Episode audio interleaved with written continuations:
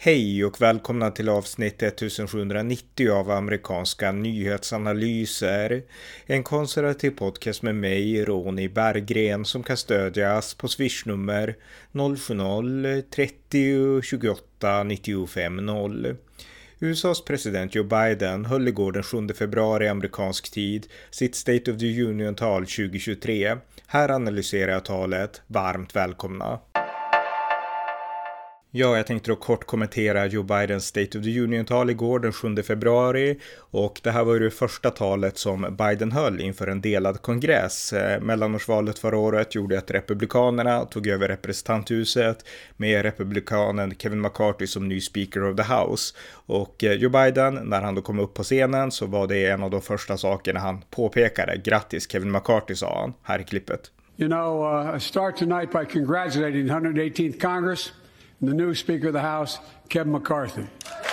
Och eh, därefter så gratulerade Biden också Hakeem Jeffries, eh, Demokraternas minoritetsledare i representanthuset. Han gratulerade Mitch McConnell, Republikanernas minoritetsledare i senaten, som har suttit längst, rekordtid tror jag, av någon ledare i liksom respektive kammare. Eh, och han hyllade Nancy Pelosi som han sa skulle bli den största spiken i amerikansk historia typ. Eh, efter det så la han då temat för sitt tal och förklarade att USA är ett land som har en unik historia av att utvecklas progressivt och det måste man nu fortsätta med. Och sen inledde han också med att påpeka att de här två senaste åren, alltså när han själv har varit president, så har ekonomin varit stark och demokratin har gått framåt och så vidare. Och som republikan så kanske man inte håller med om det, men han sa i alla fall så. Men han tryckte mest på att USA har en progressiv historia och den är progressiv tack vare att amerikaner har kunnat arbeta över partigränserna. Och eh, han gav många exempel på det. Och eh, det måste man fortsätta att göra nu. Eh, och han förklarade att man måste satsa på småföretag och att det har startats 10 miljoner småföretag under hans två år som president och att alla som startar ett småföretag, de gör ett act of hope. Det tyckte jag var ganska, alltså ganska, typ väldigt amerikanskt beskrivet för småföretag. Inget sossigt, alltså Socialdemokraterna för 30 år sedan skulle inte ha beskrivit småföretag som act of hope. Men det gjorde Biden och jag tyckte att det var lite kul ändå. Eh, han betonade också att eh, Eh, man kan se att amerikaner kan samarbeta, inte bara i historien utan även i nutid. Och eh, inte minst nu när det är en stor efterfrågan på semiconductors som eh, produceras mest i Taiwan och som det har blivit stopp för under de här krisåren, covid och Rysslands krig och så vidare. Och han sa att det var ju vi i USA som uppfann semiconductors och vi ska göra det igen och nu har vi drivit igenom Chips and Science Act, alltså det här lagförslaget för att producera de här Eh, mikrochippen i USA och eh, det har vi gjort tillsammans, båda partier sa han. Så titta, vi kan samarbeta. Han betonade också att det behövdes samarbete eh, även mellan delstater och han påpekade att Eh, en bro i Ohio, över Ohio River mellan Kentucky och Ohio som byggdes för 60 år sedan. Den behöver repareras och nu kommer regeringen att satsa stora pengar och han har träffat politiker från eh, båda sidan gränserna i delstaterna. Så att amerikaner kan samarbeta, vill han trycka på, om de bara vill. Och han förklarade att i det här nya samarbetet som han gärna vill leda så ska saker som behövs produceras i Amerika. Eh, supply chainen ska börja i Amerika, man ska inte behöva köpa saker för hela världen, utan Amerika ska producera det Amerika behöver. Och det som behövs ska vara made in America, sa Biden. Och det här var ju ett tema som han hade även på sitt, eh, ja, i sin valkampanj 2019-2020, made in America, och han pressade på det även i, i det här talet. Och vi kan spela ett klipp där han pratar om det. And when we do these projects, we're gonna buy American. We're gonna buy American. Tonight, I'm announcing new standards require all construction materials used in federal infrastructure projects to be made in America. Men därefter så påpekar han också att det finns aspekter av politiken som han driver, som The Inflation Reduction Act, som Republikanerna motsätter sig. Men han kommer aldrig att eh, liksom låta eh, Inflation Reduction Act köras över, utan försöker Republikanerna det så kommer han lägga in sitt veto, sa han. Eh, han betonade också att Inflation Reduction Act är banbrytande för kampen för klimatet. Ehm, klimatet bryr sig inte om partibeteckningar, sa Biden, ehm, men nu så tar USA USA äntligen itu med det här problemet. Han betonade också, vilket även Obama gjorde ofta, att eh, de rikaste i USA, de betalar inte inkomstskatt utan de lever på sina kapitalbesparingar och det är inte bra, de borde också betala skatt. Eh, Demokraterna, eh, både Biden och eh, hans förre chef Barack Obama betonade det ofta och man kunde se nu i publiken att eh, Elizabeth Warren som, som kandiderade på den här frågan som presidentkandidat 2019 där, hon eh, ställde sig upp och applåderade när Biden sa så här. Eh, sen fortsatte han också att eh, trycka på att statsskulden, den ökade som mest när Donald Trump var president. Han sa inte Trumps namn, men han påpekade att under den förra administrationen då ökade statsskulden. Och eh, faktum är att det här är vilseledande. Alla som hängt med i amerikansk politik vet vem som gjorde att statsskulden började superskena egentligen. Och det var Bidens tidigare chef Barack Obama. Det var då statsskulden spikade rakt upp. Och på den tiden hade ju republikanerna den här idén om att staten skulle hållas slimmad och att statsskulden skulle hållas nere. Och eh, även om det var ett speciellt nödläge då med 9-11 och liknande så var det ändå filosofin som fanns från Reagan-tiden inom Republikanerna, statsskulden ska inte öka. Obama hade inte den policyn, så att det här förändrades när Joe Biden själv var vicepresident under Barack Obama. Sen har han rätt i att Donald Trump brydde sig inte om den här frågan heller. Det här var ju liksom Trumps stora republikanska akilleshäl, just det här med statsskulden. Men partiet, Republikanerna, brydde sig inte riktigt om den frågan då. Man hade ju gjort det tio år tidigare. Eh, statsskulden och eh, budgetar och sånt här det var ju de stora frågorna i Tea Party-vågen, den republikanska rörelsen mot Barack Obama 2008, 2010 och även 2012. Då var det ju ekonomiska frågor, att man måste ha koll på sin plånbok. Det var det republikanerna drev och de gjorde det därför att Obama brydde sig inte alls om det. Men sen så gjorde inte Trump det heller. Men återigen, det här började när Joe Biden själv var vicepresident och det framkom inte i hans tal här.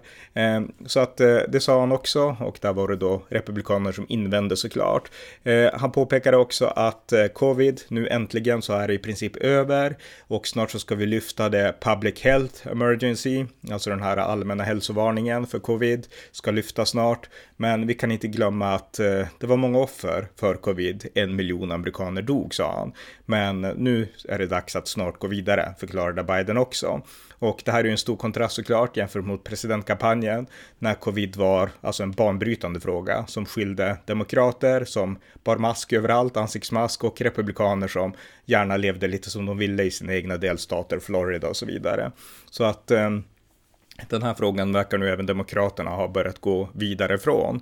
Eh, han fortsatte förklara att eh, nu måste vi också bygga upp förtroendet för eh, statsmakten bland allmänheten och det här är ett förtroende som ofta bryts och eh, som exempel på det så gav han eh, det här tragiska dödandet av Try Nichols, hette han väl, den här eh, unga svarta mannen som var dödad av poliser i Memphis. Jag minns faktiskt inte detaljerna här, men hans föräldrar, de var i alla fall på plats i kongressen.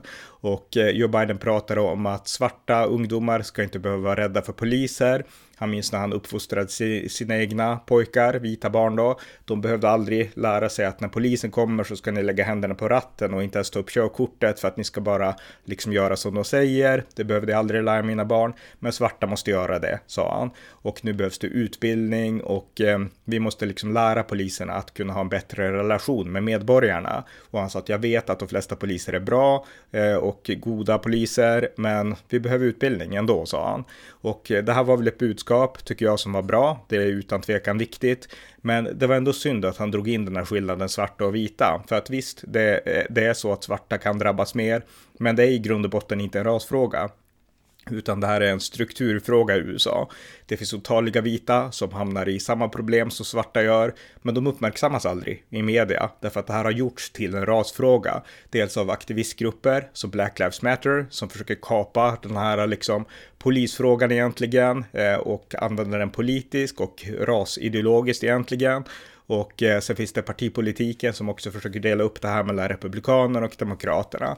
Men i grund och botten så är det ett mycket mer strukturellt problem och man borde plocka bort såväl partipolitik som rasfrågan från den här eh, liksom debatten och bara inse, för det här var ju, det är det som gör det intressant här, det här var alltså fem svarta poliser som dödade den här unge mannen i praktiken.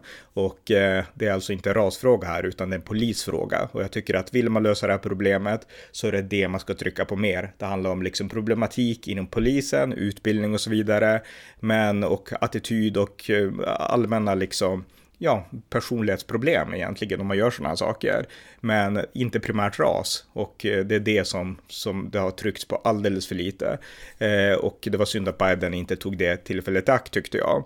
Eh, han fortsatte sen och förklarade att eh, med Roe v. Wade upphävt av högsta domstolen, alltså rätten till abort, så måste kongressen ta ansvar i högsta domstolens ställe och stifta lagar som garanterar rätten till abort. Nu kommer det inte hända såklart eftersom republikanerna inte alls är för det. Men han sa att eh, det kan inte bli tvärtom heller, utan om republikanerna försöker förbjuda nationellt abort via kongressen så kommer han återigen att lägga in sitt veto. Så det tryckte Biden också på. Sen så kom han in på utrikespolitik lite kort. Jag tycker att det var för kort för jag tycker att han borde prata om allt som händer mycket mer ingående. Ryssland, Kina, eh, situationen i Iran, Sveriges, Finlands ansökan till NATO, svälten på Afrikas horn, eh, militant islam och eh, det finns otroligt mycket utrikespolitiskt att prata om. Eh, han fokuserade mest kort på Ryssland och kort på Kina och han sa så här. Let's remember the world's watching. I spoke from this chamber one year ago. Just days after Vladimir Putin unleashed his brutal attack against Ukraine. A murderous assault, evoking images of death and destruction Europe suffered in World War II. Putin's invasion has been a test for the ages, a test for America, a test for the world. Would we stand for the most basic of principles? Would we stand for sovereignty? We stand for the right of people to live free of tyranny? Will we stand for the defense of democracy? We did what America always does at our best. We led. We united NATO. We built a global coalition. We stood against Putin's aggression. Our nation is working for more freedom, more dignity, more, more peace, not just in Europe, but everywhere. Before I came to office, the story was about how the People's Republic of China was increasing its power and America was failing in the world. Not anymore. We made clear, and I made clear in my personal conversations, which have been many, with President Xi, that we seek competition, not conflict. But I will make no apologies that we're investing in, to make America stronger. I'm committed to work with China where we can advance American interests and benefit the world, but make no mistake about it. As we made clear last week, if China threatens our sovereignty, we will act to protect our country, and we did. And those who bet against America are learning how wrong they are. It's never, ever been a good bet to bet against America. Never. Och eh, det jag tycker om här då, det är att Biden ändå betonade att eh, försök inte liksom att satsa pengar mot Amerika, det brukar aldrig gå, det tycker jag är ett bra uttryck. Och eh, det pressade han på här också, men jag hade gärna sett att han pratade mer om utrikespolitik. Alltså oftast är ju State of the Union-tal där man fokuserar på inrikespolitiken, men eh, vissa år när det händer speciella saker, då kan man ägna mycket tid även åt eh, utrikespolitiken och jag tycker att han ägnade för lite tid åt det i det här talet. Eh, han fortsatte sen i alla fall och pratade om eh, krisen vid gränsen igen och fentanylkrisen, den här drogen som amerikaner blir allt mer beroende av och som han sa att nu så håller vi på att arbeta för att stoppa den och vi ska arbeta med vård och liknande. Och det var en i publiken, jag har inte läst vem det var som ropade det där är ditt fel. Och eh, faktum är att just fetanyl det är någonting som produceras i Kina och smugglas upp från gränsen via Mexiko. Så att i mångt och mycket så är det faktiskt Bidens fel, därför att han inte hållit gränspolitiken strikt. Alltså backa några år och det var andra problem som USA hade med andra droger, men inte fetanyl som det är nu. Så att det här är i viss mån Bidens eget fel och han har inte riktigt tagit ansvar för det skulle jag säga då. Utan, men han sa ändå att det här måste stoppas vid gränsen. Problemet är bara att han har en svag gränspolitik. Eh, han fortsatte att prata om mer stöd till amerikanska krigsveteraner. Det var bra att han gjorde det, det behövs eh, i många avseenden. Och eh, därefter så avrundade han med någonting jag tyckte var väldigt glädjande att han tog upp. Han påpekade att det är nu 20 år sedan George W. Bush lanserade Pepfar, den största satsningen mot, ett enskilt, mot en enskild sjukdom i världshistorien. Så här sa Biden. 20 years ago under the leadership of President Bush and countless advocates and champions, he undertook a bipartisan effort through PEPFAR to transform the global fight against HIV/AIDS. It's been a huge success. He thought big, he thought large, he moved. Och eh, en av eh, Pepfars stora eh, anhängare, det var ju Bono från U2 som var på plats där i kongressen och lyssnade på talet. Och det är nu 20 år sedan Pepfar genomdrevs. Och eh, jag har hängt med i Pepfar under lång tid och jag tänkte rekommendera en artikel som jag skrivit om Pepfar i tidningen Världen idag. Eh, den är några år gammal men den heter George W. Bush historiska kamp mot hiv-aids i tredje världen. Eh, ni kan googla på den om ni vill och läsa den och den här artikeln beskriver dels vad Pepfar är men också hur det här eh, enorma programmet som Bush ändå genomdrev, hur det i princip ignorerats här i Sverige. Så att eh, vill ni läsa om det så läs den artikeln för att få en introduktion. Och det är som sagt 20 år sedan i år, Pepfar, så att det kommer pratas om det mycket mer i år under hela året skulle jag tro. Eh, men eh, därefter så avrundade Bidens sitt State of the Union-tal och eh, han avslutade så här. We have to be the nation we've always been at our best. Optimistic, hopeful, forward looking. But we're the only nation based on an idea that all of us, every one of us, is created equal in the image of God. A nation that stands as a beacon of the world. A nation in a new age of possibilities. So I've come to fulfill my constitutional obligation to report in the State of the Union. And here's my, my, my report. Because the soul of this nation is strong, because the backbone, backbone of this nation is strong, because the people of this nation are strong. The State of the Union is strong. Ja, det var lite kort om Bidens tal och eh, vad ska man då sätta för betyg på det här talet? Ja, det var inte världens mest inspirerande tal, men det var ju trots allt Joe Biden som höll talet och han håller inte alltid världens mest inspirerande tal på grund av sin egen personlighet. Så att jag tycker, med tanke på vem som höll talet, att det var ett hyfsat bra tal. Han gjorde inga stora grodor och eh, han höll en rak linje och han pratade stundom väldigt entusiastisk om de ämnen som han ändå ville pressa på. Så att det här var ett bra tal. Det var inte alls lika starkt som de tal som George W. Bush höll, som Barack Obama höll eller som Donald Trump höll. Men det var ändå ett helt okej tal för att vara Joe Biden. Och eh, jag tror att det går hem helt och hållet hos de demokratiska kärnväljare som har främst riktar sig till. Och ehm, ja, det var ett tal som ändå fick godkänt skulle jag säga. Kommer att ändra någonting politiskt i liksom fighten mellan republikaner och demokrater? Knappast. Men det var ändå ett tal som ändå får godkänt skulle jag säga där av Joe Biden. Sen ska sägas att republikanerna gav också respons på det här talet. Eh, varje State of the Union så brukar ju oppositionspartiet välja ut en nyckelperson i partiet som håller ett kort eh, oppositionstal. Och det här är ju tal som ingen tittar på alls och ingen bryr sig om egentligen, mer än då politiska nördar nördarna. Men republikanerna republikanen som valdes nu i alla fall för att hålla, för att ge respons på Bidens State of Union. Det var Sarah Huckabee Sanders. Hon var presschef för Donald Trump och nu så är hon sen i höstas guvernör i Arkansas. Och eh, hon sa så här. I'll be the first to admit President Biden and I don't have a lot in common. I'm for freedom He's for government control. At 40, I'm the youngest governor in the country. And at 80, he's the oldest president in American history. I'm the first woman to lead my state. And he's the first man to surrender his presidency to a woke mob that can't even tell you what a woman is. It's time for a new generation of Republican leadership.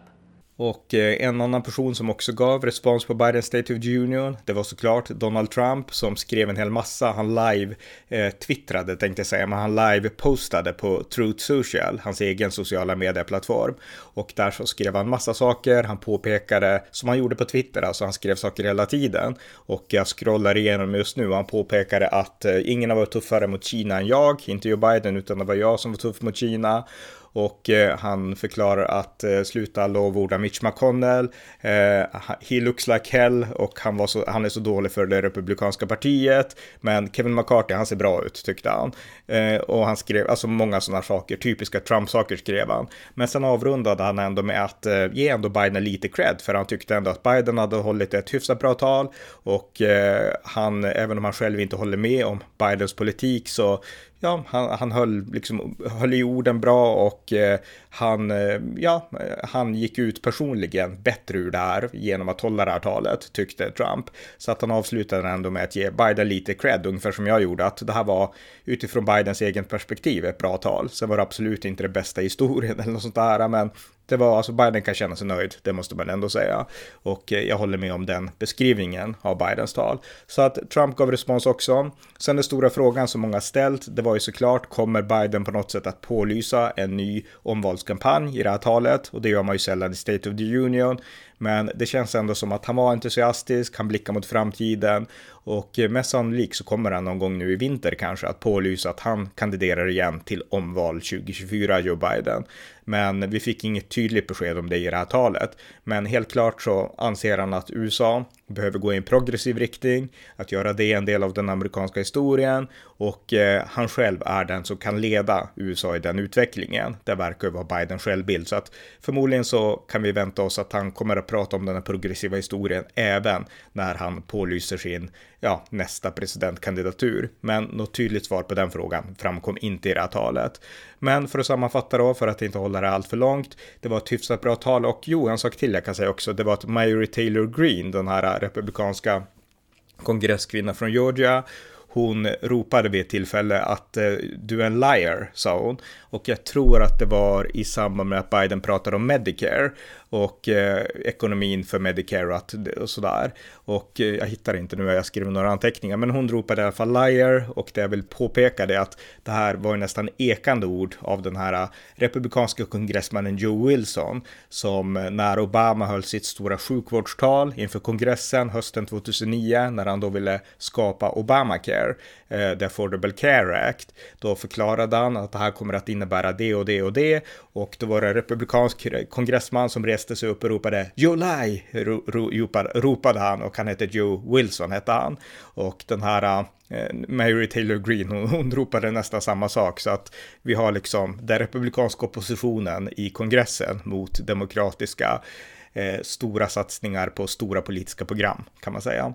Men hur som helst, eh, det var det som jag hade att säga om det här talet och eh, ett okej okay tal för Joe Bidens del. Så att det var min korta analys av Joe Bidens State of the Union 2023.